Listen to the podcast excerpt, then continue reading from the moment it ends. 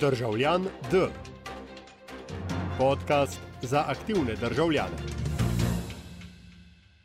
Uh, welcome, everybody. It's the 25th of September 2023, but you're listening to this podcast of Citizen D on the 15th of November 2023. With us today is Sarah Lamdan, professor of law with a degree, with a master's degree in library science and legal information management. Uh, Professor Lamdan works with immigration groups on government surveillance issues, library advocacy organizations on open access, and researcher privacy projects, and with open government advocates on federal records preservation and access initiatives. She recently wrote a book called Data Cartels The Companies That Control and Monopolize Our Information. And you guessed it, this will be the topic of uh, our conversation. Professor Lamdan, welcome, welcome to the show. Hi, it's great to be here. Uh, it, it's such an interesting read, and and and it's such a such a, a, great topic to discuss because you you start with the issue of of open data, of data cartels, of companies that control and monopolize our information from a very I should even say personal experience. So, so I would like to know to get us going. What was the reason you you developed an interest in this topic, and how did you go about how did you go about researching it? Those are two really good questions. Um, so, to answer the first question, I kind of fell into this topic by chance. Uh, in a way, I'm I'm kind of the the ideal person to write about it because I didn't come in with any sort of agenda. Um, I was a law professor and also I'm a librarian, so I deal a lot with information access and informational resources. And I actually saw in the news that a lot of our research providers in the United States were vying to work with our immigrations and customs enforcement agencies, so ICE. And I'm not sure how it's viewed across the world, but in the United States, especially in 2017, when I first started digging into this issue, ICE was problematic. Um, immigrations and customs enforcement in the United States was known as committing human rights abuses basically right? Putting separating families at the border putting children in cage like enclosures um, and just doing all sorts of really icky gross things. So working with ice wasn't positive right? There it wasn't it wasn't about helping immigration's age or immigrate the immigration agency, you know, reunite families or help people ascertain citizenship. It was really about human rights issues. Uh, so I became very interested in why our research providers were working with ICE and, and what they were giving ICE. And I started asking, you know, I started asking our research vendors at the school that I worked at, what what is your, you know, what is your company doing with ICE? And I asked um, in my professional organization, the American Association of Law Libraries, what what exactly is Lexis, our main research provider, and Westlaw, our main research provider? How exactly are their companies working with ICE? And instead of getting answers, I got kind of censored um, the American Association of Law Libraries wouldn't allow me to ask that question on their web pages. And at my law school, my vendors became very agitated when I asked them about about their work with ICE. So I wasn't getting answers. And that's really what started the research process behind data cartels and kind of all the research I've uncovered since. Um, and really what came after that, even though I'm an academic, the research process for digging up those the connections that I described in the book, it was almost journalistic. It was almost more of an investigative reporting type of research where I was trying to look at corporate filings and advertising and uh, work that other journalists had done to connect the dots between our research products and government data brokering and surveillance, which is what I uncovered ultimately do you have any reasons like you mentioned in the book and you just mentioned the, the journalistic way of, of researching the topic. It seems that on one side there's there's let's say a fair amount of information on these systems in in in the public. You just have to yeah know find a way to to get it.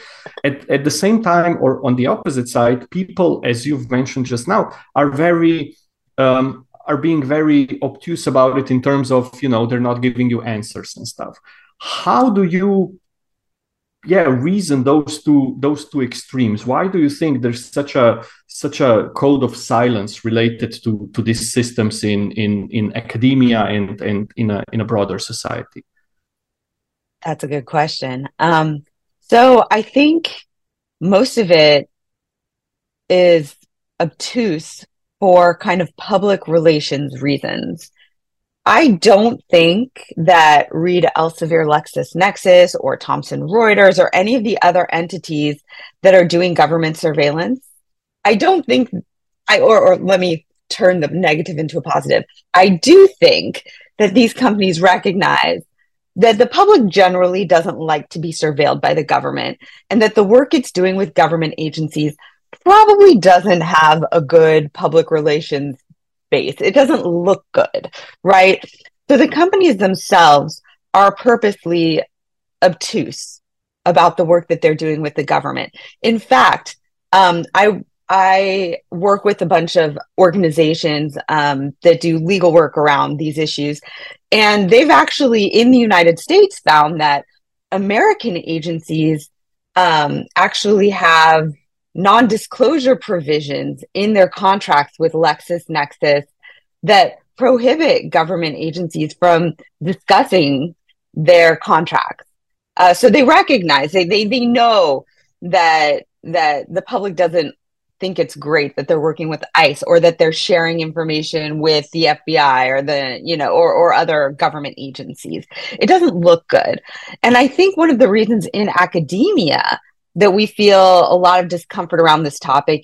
I think there are two reasons. I think the first is that we recognize how much we depend on Elsevier and Science Direct and you know all of the other products that these companies provide us. We need them, right? We we need to have good working relationships with Elsevier in order to get contracts and in order to make sure that our academics get their work in the right journals, right? So it's important for us and for our librarians and for our administrative staff and um, to to work with these companies.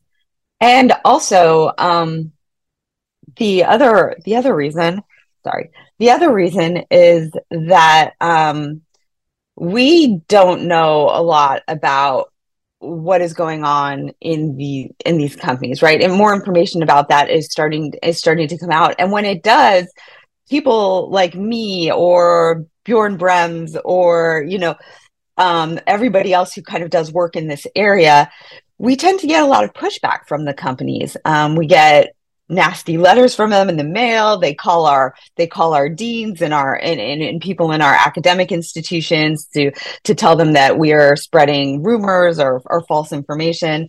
Uh, so it can be kind of scary for an academic to stand up to these companies without a lot of backing from their institutions or their professional groups so in your book and, and uh, uh, in, in, in the debate around uh, data cartels, you have, let's call them two sides, right? You have, you have government, uh, government agencies, government institutions, public institutions that are buying or that are using these data sets that are, that are, uh, that are working with these private companies essentially that are putting together these data sets.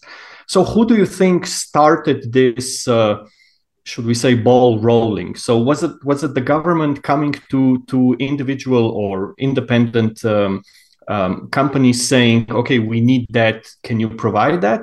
Or was it the other way around? Was it the um, public uh, private companies putting together these data sets and asking or you know pitching pitching this to to the government saying oh i'm sure you could you could find a way to use this that is also a good question. I'm going to say that after every question because they're all good questions.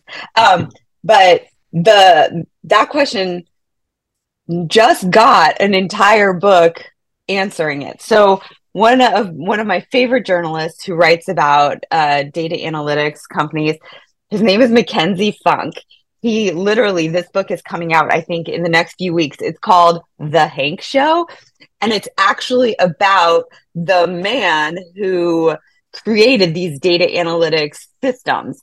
Um, and it's it's a really fascinating story. I urge I urge everybody to go out and get the Hank Show. It is from St. Martin's Press. It's coming out, I believe, at the end of this month or maybe next month. Um, so keep your eye out for it. But um, in the book, he describes how the data analytics systems were created actually in the private sector. They were created in Florida uh, by this man. He created a company called Seisint, and Seisint became Matrix. And after September 11th, um, he, the the man who created these systems, named Hank Asher, actually decided to market a like predictive terrorism product. So a product that would predict who is more likely of committing a, a quote unquote terrorist act. Um, he took that product to the White House, to the government, and sold it to them. So I think that that is kind of the system that these companies have been working on ever since. They create these predictive policing systems, these predictive fraud systems, these predictive, you know, they predict all sorts of different things. Who who might default on a loan? Who might be a bad tenant? Who might be a good employee? Right? Who might be an insurance risk? So they they create all these systems and then they market them to health insurance providers, to auto insurance providers, to ICE, to the FBI to, you know, any government agency, Social Security Administration, IRS. All of these are examples of agencies that use predictive systems that that companies like these build. So I I think that these these systems are created in the private sector and then marketed to the public sector as easy solutions. And then they're very appetizing to a public sector that can use algorithmic solutions instead of hiring more investigators and hiring more people, which is more expensive, uh, more time. You know, it takes more time for a human to do investigatory work than for an IRS agent to just press a button and pull up a hot list of, you know, the 10 most likely fraudsters or what have you. Uh, fraudster is, is, is a, an adjective that uh, LexisNexis uses. So I like to use it because I think it's so silly. They, they find fraudsters. Um, but the government finds it appealing to use these, you know, easy algorithmic digital, seemingly miraculous solutions instead of hiring more agents and, you know, doing more expensive things and more time consuming things. Hmm. If we go step back and, and we leave the, the issue of, you know, if, if the government is buying this system, how will the government effectually regulate them? That's that's a spoiler for, for later on. But but let's start at the beginning. So why are data cartels bad for, for consumers or and citizens? Because because usually when you ask the government or you ask these companies, they go exactly the way you went. So they're talking about uh, you know effectiveness, improving the uh, the the work process, um, finding you know uh, a needle in a in a haystack. So they don't talk about about the negative things. While your book is basically just you know negative. Uh, and, and I would like to know why um, why is there such a discrepancy, and what are some of the bad consequences that that uh, derive from from uh, the these these data cartels that are that are all over the place. Right. Um, yeah, yeah. It's funny. People assume that I'm, you know, a luddite or that I hate technology based on the what the things I describe in in data cartels, but I don't. I do. I wish that these products were as efficient and miraculous as they reported. Uh, unfortunately, in their current form, they are not, and that's kind of that's what I describe in my book. Now, my book, so a lot of the problems are problems around you know algorithmic bias and biased data sets. But I'm not an algorithm expert. I'm not a technologist. I'm a librarian. So I always direct people to other authors and other books um, about algorithmic integrity and algorithmic biases. Uh, you could read any work by Ruha Benjamin, by Safiya Umoja Noble, by Cathy O'Neil. Um, there, there's a lot of really great work out there. and research out there that describes why it is problematic for government entities to rely on algorithmic solutions for ranking people and sorting how risky people are, right? Um, and there are also a lot of books out there about the problems with our data sets. You know, like Victoria Eubanks wrote a book um, called, I think it's called Algorithms of Inequality, or I, I'm looking back at my bookshelf trying to find it, but about, you know, how law enforcement data sets tend to disproportionately have certain types of demographic um, uh, data in them and certain communities are overrepresented in in law enforcement data sets right so both algorithms and data sets tend to be biased what my book focuses on and what i feel safe um, discussing as a librarian without falling into unknown territory for myself is the fact that there are a few companies that have swallowed up and now control a lot of our informational resources, right? So, what I focus on is why it is harmful that LexisNexis, for example, which is part of the company Reed Elsevier LexisNexis, why this one company um, or how this one company came to dominate so many of our informational markets and why that's a problem. And I use Reed Elsevier LexisNexis as my example, not to pick on the company, but because they are so uniquely massive. Um, so uh, the I usually like if I'm if I'm doing a presentation, I have this slide where I show that Reed Elsevier LexisNexis in the United States dominates the legal information market, right? In the United States, if you want to do legal information research or you want to look at legal information, you have to subscribe to either Thomson Reuters Westlaw or LexisNexis's Lexis Research platform. Those are the only two really only really two competitive games in town. Those are the gold standard of legal research in the United States if you're an academic and you either want to publish or do research, you have to have access to Elsevier and you have to have access to Elsevier Science Direct platform, right? And if you want to assess how you're doing as a research, how impactful you are as a research, you have to use um, Elsevier Scopus, or you know your data somehow has to feed through Elsevier's um, academic data analytics systems. Or you have to you know you can also use clarivate which is the really the only major competitor to elsevier in the academic data analytics sector. Um, lexisnexis boasts the one of the largest news archives in the world. So media and news information is another market where lexisnexis reed elsevier lexisnexis is dominant.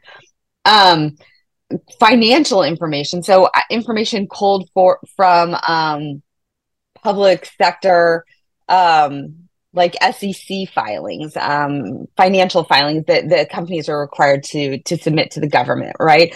And also news about financial institutions, right? LexisNexis has kind of a is part of an oligopoly of companies that that control that information. And um, I feel like I'm forgetting one of the markets here.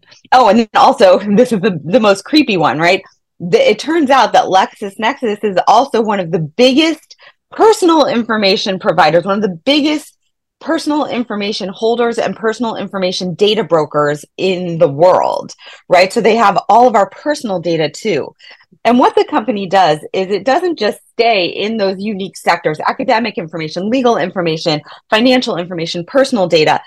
LexisNexis has found a way in multiple ways to use all of those different information sets and combine them to make new informational assets, to make new quote unquote data analytics products that mix and match those types of data, our personal data with data about our academic success, our personal data with news information, our personal data with legal information, right? And all of that data is kind of mixed and matched and quote unquote crunched. It's put through data analytics um, systems, machine learning systems, algor- you know, various algorithms to create new unique information types that then LexisNexis can sell for even more money, right? That's where our predictive policing products come, our predictive insurance products come, our legal analytics and academic analytics products come from. Hmm. But you know, speaking as a as a devil's advocate, uh, I would go and say, you know, if you have nothing, if you did nothing wrong, if you have nothing to hide, then these data sets that are then bought up by ICE, by police, by by um, other uh, other agencies, they don't concern you, right? So what's wrong with police having all of this data at their fingertips to sort of you know uh, fight crime and and other illegal activities? Absolutely. That's a really good question right? And i think in an ideal world where there is no algorithmic or data error or bias i think that that's a really good question to ask. Like how how amazing would it be to have a digital a data fueled product that would make policing perfect, right? And that would maybe eliminate bias in academia by really using proven data to to determine which which types of research are the most important and which types of research should be funded, right? In an in a perfect world, these products might really be miraculous, right? Um, in fact, one of the things that McKenzie Funk wrote about in the beginning of the Hank show is how Hank Asher's Matrix product actually, I think it was actually um, identified five of the people who planned the the September 11th attacks before law enforcement even knew who they were right? That's miraculous. That that is amazing in a moment where there has been some sort of horrible um, crime committed to know immediately who committed the crime. That's fantastic the problem, unfortunately, is in our current system, we still have the problems that that the algorithmic bias problems and the data bias problems that Virginia Eubanks and Safiya Umoja Noble and Ruha Benjamin and all of the other kind of critics of our current AI systems have unearthed. Those problems, whether we want to acknowledge them or not, are present, right? Right now, our algorithms are imperfect. We don't exactly know how they work. And we do know that they tend to be biased. And we actually, one of the things that my book focuses on a lot, because although I'm not, like I said, I'm not an algorithmic expert, I do know a lot about, you know, information assets and information access. A lot of the information that LexisNexis and companies like LexisNexis use are erroneous right now right? One of the articles that I point to a lot is is an expose in Newsweek called, um, I think I, it's something about how LexisNexis, how when LexisNexis makes a mistake, it hurts you, or, um, and and the article is basically a, a bunch of interviews with people who have been harmed because LexisNexis has incorrect data about them in their systems. There's an example of a woman who gets locked out of her own bank account because her sister is having credit problems.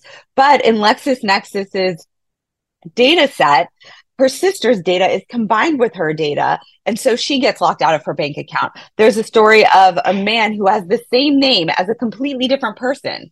The other person has insurance issues. This man doesn't. But because this man's data is conflated with that other man's in LexisNexis, he can't get auto insurance, right? So you run into problems like this again and again and again. And the more like when a when an insurance company uses the wrong data about you or, or has erroneous data about you, that's annoying, right? You can't get the insurance you want. But when your landlord when your when your um, landlord's tenant screening product uses LexisNexis, you might not be able to get housing, right? There's a whole expose in the um, I think it's the Texas Observer about how people get blacklisted from getting apartments, from getting a roof over their head because LexisNexis has erroneous data about them, right? And then that becomes even more harmful when law enforcement uses that data, right? You can get arrested because your name is is the same as somebody else's name, right? Or because LexisNexis has another person's driver's license conflated with yours in their system. And that becomes really problematic. So until we can ensure that the data about us is correct in these systems and that the algorithms aren't biased in these systems, I still have a lot of concern about us using these systems this way. And and do you see that happening in the future? Like when you usually um, debate around these topics, and you have like representatives from an industry or decision makers, they usually go, "Well, yeah, you know, no system is perfect. These are glitches. We're ironing ironing out."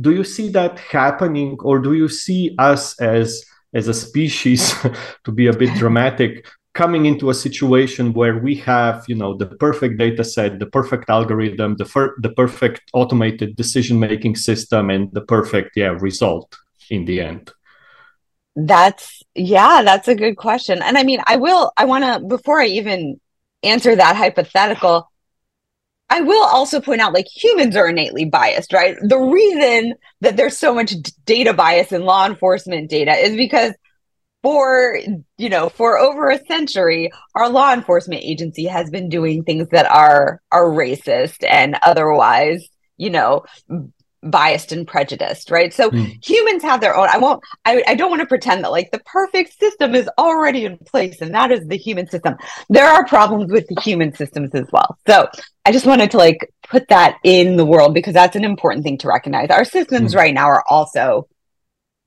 problematic mm. I and I do. I mean, I guess I if if we treated data systems with the care that they warrant, with the, the care that they deserve, I do. I could envision a future where we have these systems in place and they aren't biased.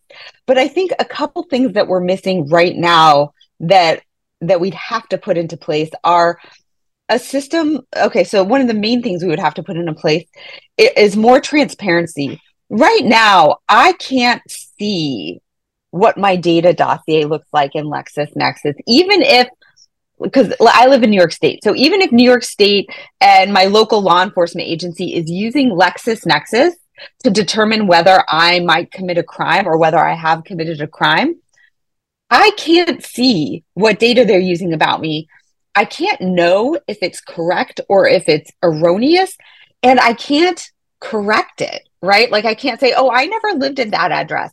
Or actually, that that wasn't me who was at that place at that night or I don't drive that car. I can't say those things. I have no power. So I think in order to move to a place where maybe we could use these systems and we could use them well and we could use them effectively. Things would have to be a lot more transparent for consumers and for the public we'd have to be able to view our own dossiers and we'd have to be able to correct them right? We'd have to be able to ensure and feel comfortable that when NYPD or you know any other law enforcement or other type of agency was using the data i'd want to feel comfortable knowing that what they were using about me was information that i feel okay sharing and that i know is correct I think that would have to happen. And that that's a big undertaking. I don't think it's impossible. Um, and I don't even necessarily think that it's a bad idea. But right now, that type of um, transparency and that type of corrective measure isn't in place. So that hmm. I think first and foremost, those are two really basic things that would have to happen. Would you say lack of transparency is also one or maybe the reason that data cartels are so hard, hard to regulate. So so you can't even see them or you can't even see what you're regulating. And this is something that yeah impacts the the regulatory frameworks. Or would you say something else is going on that these data systems are being almost you know untouched and and free to do what they do um, yeah, I think you're. I, I think what you're getting at is absolutely correct. There is the the lack of transparency is a huge problem, right? Lack of transparency to the public to even know that the government is using these types of systems, or or know that their insurance agent or their landlord or any other entity that's making decisions about their lives. Usually, the public doesn't even know that these algorithmic systems are being used behind the scenes, right? You don't know when you get hired that your job application was run through some sort of employment screening system that was algorithmically powered, right? So that type of transparency is is absent. And in a deeper level, we don't it, let's say you do know, let's say you do get you live in a place where, where you're required to get a notice that your job application has been run through one of these systems. You don't know what the data about you that they ran through the system includes. You don't know what the data inside the system that your application is being checked about against includes. And this is key. You don't know what the algorithm is ex- assessing, and you don't know how the algorithm is working to make that assessment. The major problem with that is these algorithms that are being developed at LexisNexis and at other types of, of, um, of data analytics firms, you, we don't know how the algorithms work. And most of the people who design the algorithms don't know how they work because the algorithms work so quickly and do so many things with so many data sets that algorithmic transparency is not only unavailable, it might be impossible in the current system right? There there are a lot of entities and advocates that that are trying to demand algorithmic transparency which is an important and noble aspiration. But a lot of times even the people who develop the algorithm in like a LexisNexis or an Experian or other system they don't know how the algorithm they developed works. So how are we supposed to understand how it works? Mm.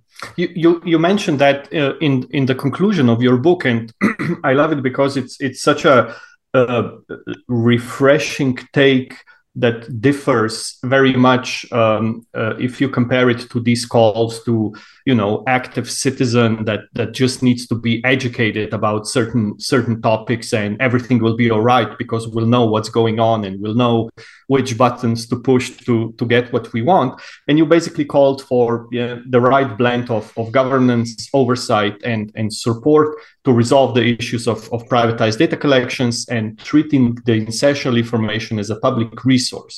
So if we take a, a walk down the memory lane and, and look at the history of the net, how feasible do you think is, is your call? That's A. And B, where did we go so wrong that we ended up in this privatized two companies rule the world type of type of uh, digital sphere that started off as a pardon the expression like a like a hippie commune right okay i'll admit that i i tend to gravitate towards a hippie commune ideal so uh yeah okay first and foremost yeah i think we're right now we are in kind of a hyper capitalist system when it comes to tech, especially. And I'm not sure if that's because it's so kind of Silicon Valley based and, and, that's very like American and we just love we just love our uber capitalist, you know, tech almost I, I want to call it a fantasy, but really we are playing it out in reality. So our our our, our uber capitalist tech reality. Mm. Um, and yes, I, I'll admit I do put my ideals kind of over the other extreme but really what what i what i in my ideal um it's it's not about choosing between capitalism and like some sort of hippie co-op for data but it's about putting the onus where it belongs. I think the problem with our current hyper capitalist system is that what we've let the companies do is make consumers think that it's their fault and that it's their problem to solve. Like, oh, I'm sorry. Do you feel like you're you do you feel like um data companies are are too invasive? You need to change the privacy settings on your phone or you need to not use social media or you you know like we put it all on the individual to try to keep their data out of these systems or even to request their own data dossiers, right? Like now our kind of new ideal is passing these laws that allow individuals to get their own data dossiers. Like, what's the benefit of that? Let's say I live in California where I'm legally entitled to my own data dossier. So I live in California. I request my own data dossier from LexisNexis. Great now I have a PDF full of data about myself. Some of it is right, some of it is wrong. Like, woo, that makes that doesn't really empower me to do much, right? I could try to call all the companies that I think have wrong, incorrect data about me and beg them to fix it, but that That would take hundreds of hours that I do not have, right? So, right now, even in our current best scenario legal framework where we can see our own data dossiers, the, the responsibility is placed on individuals, and then individuals have very little power. I am urging us to rethink this system so that instead of the onus being on the individuals that way, it is now on the companies. The companies who create these systems should be responsible for making sure the data is correct, giving public um, giving members of the public easy recourse to correct their data or to erase their data, right? That should be the responsibility of the companies who are making billions of dollars building these systems. And really, those companies are the only entities that have the real power to make our digital lives better. so, what I'm trying to do very, very, in, in a very, I mean, in a way that I'm not sure anybody could succeed at is I'm trying to take that boulder of responsibility and just like shove it across the ground from individuals back to the powerful companies that could actually make the data world better. Because like I said, I'm not a complete luddite. I don't it's it's not even a question of whether these companies should have a right to exist. They exist. This is reality. This is the system. Some of the ideas that the companies have are very, very cool. How can they execute those ideas in a way that doesn't harm us or put us at risk? Before we wrap up, I, I just wanna I just wanna uh, uh, mention something. You you you apologized sort of in advance several times, saying that you're not a luddite, you don't hate technology, and I have a same same feeling working on issues like like privacy and, and security and and um, open access like you always have this need uh, of apologizing in advance if you're not totally on board with you know the complete version of surveillance uh, surveillance capitalism. And i wonder do you think that's the, the issue starts at just basic language structures around these issues like saying okay i'm i'm not sure this is the best way to go equals you know we need to tear everything down and just you know bulldoze it to the to the ground. So so do you think we're sort of like cultivated in this this techno solutionistic uh, solutionistic approach that that basically prevents any yeah i'm going to say normal discussion happening not you know not to start with with solutions but just you know have an honest conversations about these issues.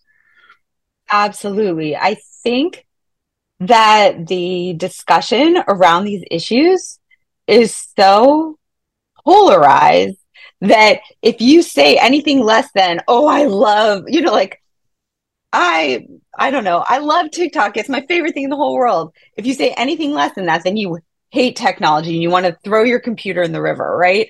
Um, and I think we really haven't been able to have nuanced discussions about practical solutions. And I'm not sure why that is. I do know that since my book has been published, people who don't like what I have to say and people who don't agree with what I have to say, which is completely fair and expect like, yes, please let's have these discussions.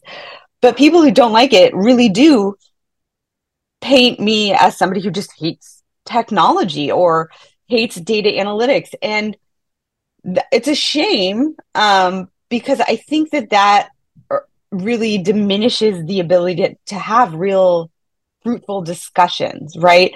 And I, I, I, I do wonder if that's because of the way it's being framed commercially and politically. Because one of the things that happens is whenever the government, any government, works to incrementally place responsibilities on the companies that develop these types of tools, right? Whenever, especially, you know, in the US or in the EU, when we look to clamp down on the data collection that like a Facebook or a, you know, LexisNexis or an Experian is doing, there are lobbyists who who who visit you know the politician's office and tell them oh this would destroy the internet. We can't do this.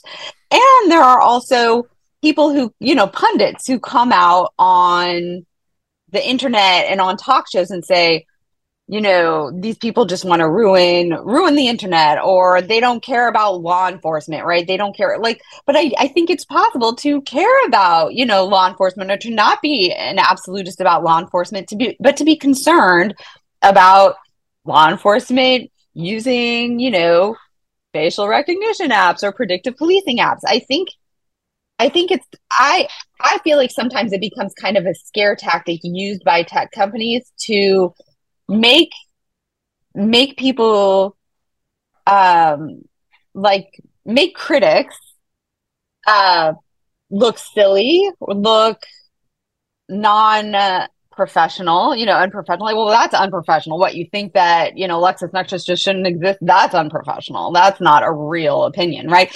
So it, it diminishes detractors and critics.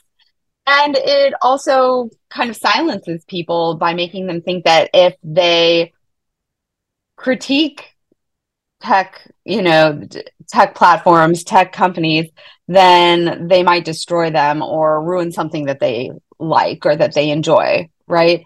Because I, I do think there's a way for us to say, buy something on Amazon and get the helpful, more like this options. Because I'll admit, I enjoy it. If I if I read a book and I enjoy it, I want to see more books like that book. That is a really cool tool, and that's a data driven tool. Data uh, driven by my data, the data, you know, of other readers and users. Yeah, that's a data driven tool. But is there a way that we can implement that and also protect my data privacy and also be transparent about how those recommendations are being are being developed, right? I think the answer is yes. Um, but I think that that would put a lot more expense and work in Amazon's product, right? They'd have to do a lot more work and, and, and, engage in a lot more transparency. And I think that a lot of companies, like, you know, a lot of tech companies don't want to um, pay those extra costs and don't want to do that extra work. So it's it's a push and pull game where tech companies have a PR advantage and they can make us look like we are foolish or that we're not we're not real experts or that we don't really um, have real solutions. And, and just one more question before we wrap up. Do you have so so let's compare notes on on the countering tactics or or on the tactics countering that narrative. What do you think works in sort of persuading people that yes, you're not throwing laptops into the river and smashing light bulbs and yeah, writing your stuff with an ink and pen? Right.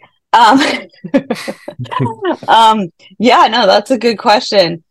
Uh, so I think I mean I think one thing that is surprising like a few a few a few months ago I was asked if I'd be willing to be on a um on a, a panel at a conference with somebody from LexisNexis and my answer is yes absolutely right I I I would be really glad and, and and excited for the opportunity to talk about you know what our concerns are as academics, as consumers, and then you know have that discussion about you know what are some real solutions. Like if we sat down and, and thought of three things that we could we could work on together what what those three things would be i think that would be really really cool.